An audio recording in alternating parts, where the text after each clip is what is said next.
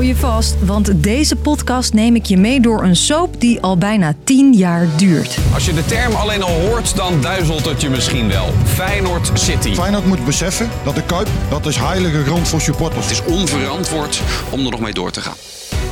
Een project waar miljoenen belastinggeld in wordt gestoken. En in de laatste aflevering van de soap zit een flinke cliffhanger. Feyenoord heeft besloten om te stoppen met Feyenoord City. Wat is er aan de hand met dit enorme project? En hebben de Rotterdammers straks nog wel een stadion? De club heeft geen geld, heeft schulden bij de belasting. Mijn naam is Chrisje en hand in hand praat ik je bij over deze Rotterdamse miljoenensoap. Lang verhaal kort. Een podcast van NOS op 3 en 3FM. Hand in hand, 27 maart 1937 voetbalt Feyenoord voor het eerst een wedstrijd in De Kuip. Mogen in dit stadion velen van eerlijke krachtmeting en goede kameraadschap genieten. Het stadion bestaat dus al bijna 90 jaar en is volgens Rotterdam ook wel toe aan vernieuwing. Tien jaar geleden besloten ze dat er iets aan het Feyenoordstadion moest gebeuren. En na jaren discussiëren lag er eindelijk een concreet plan. Feyenoord City. Feyenoord City is veel meer dan een stadion alleen. Feyenoord City is een injectie voor Rotterdam-Zuid, eh, een grote achterstandswijk in Nederland. Volgens de plannen komt er niet alleen een groot nieuw stadion voor Feyenoord, maar ook een hele nieuwe wijk met huizen, winkels, restaurants en hotels. Werkgelegenheid voor de mensen op Zuid. Een scholenprogramma. Feyenoord gaat zich verbreden tot een multisportclub. Dus het is veel meer dan alleen een bouwproject. Kosten 440 miljoen euro. Die Feyenoord samen met de gemeente en andere investeerders zou gaan betalen. Voor het plan is dus ook tientallen miljoenen euro's belastinggeld nodig.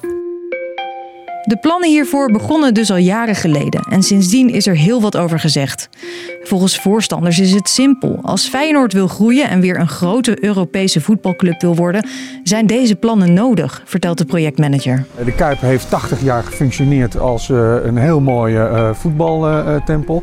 Dat gaat ze nog uh, doen de komende 6, 7 jaar. En dan wordt het tijd voor een nieuw stadion. Tegenstanders, waaronder een hele groep Feyenoord-fans, denken daar heel anders over. Wat wij vinden is dat de renovatie van de Kuip nooit een eerlijke afweging is geweest. Als er 60.000 mensen straks in moeten zitten, terwijl hier de Kuip met 43.000 mensen ook niet vol zit, is dat wel een risico wat je wil aangaan. Het plan Feyenoord City is gewoon zo overdreven en zo groot. Ja, dat gaat gewoon fout, dat weet je. Deze supporters hebben dus om verschillende redenen geen vertrouwen in het plan.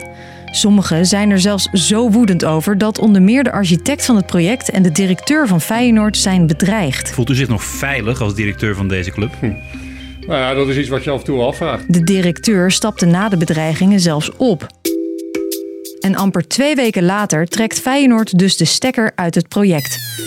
Reden? Volgens de aannemer gaat het hele project veel meer kosten dan vooraf bedacht, vertelt de Feyenoord-watcher van Rijnmond. Er ligt nu zo'n hoge bouwsom op tafel eh, dat er bij de club, maar ook bij het stadion, het gevoel bestaat van ja, het is onverantwoord om er nog mee door te gaan. Voor honderden Feyenoord-fans reden voor een feestje.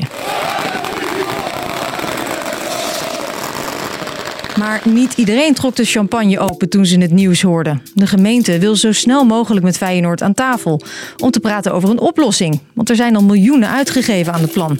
Waaronder dus ook belastinggeld.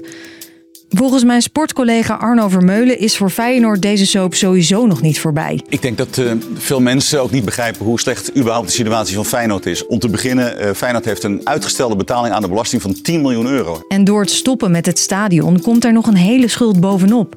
Voor het project is door heel wat partijen miljoenen geleend bij een Amerikaanse bank. Het stadion moet 25 miljoen terugbetalen nu aan Goldman Sachs als het niet doorgaat. En Feyenoord, de club, 5 miljoen. Dat is eigenlijk verbrand geld. En daar komt voor de club nog een probleem bovenop. Het huidige stadion, de Kuip, is oud en moet dus worden gerenoveerd. En je raadt het al, ook dat kost geld. Er is ooit een plan gemaakt om een moderne Kuip te maken. Dat kost tussen de 200 en 250 miljoen om dat stadion op te knappen. Dus, lang verhaal kort. Al tien jaar wordt er gediscussieerd over de toekomst van Feyenoord. Het plan was om een groot nieuw stadion te bouwen. Midden in een woonwijk vol winkels en restaurants. Zien een hoop Feyenoord-fans totaal niet zitten en de plannen zijn duur. Volgens Feyenoord nu zelfs te duur. Maar of de soap daarmee voorbij is? Nee, Feyenoord City dat is nog een, een, een ongoing story. Dat, die gaat voorlopig nog niet eindigen. Wat wel eindigt, deze podcast. Maar geen zorgen hoor, morgen rond vijf dan hoor je van ons weer een lang verhaal. Maar dan lekker kort. Tot morgen!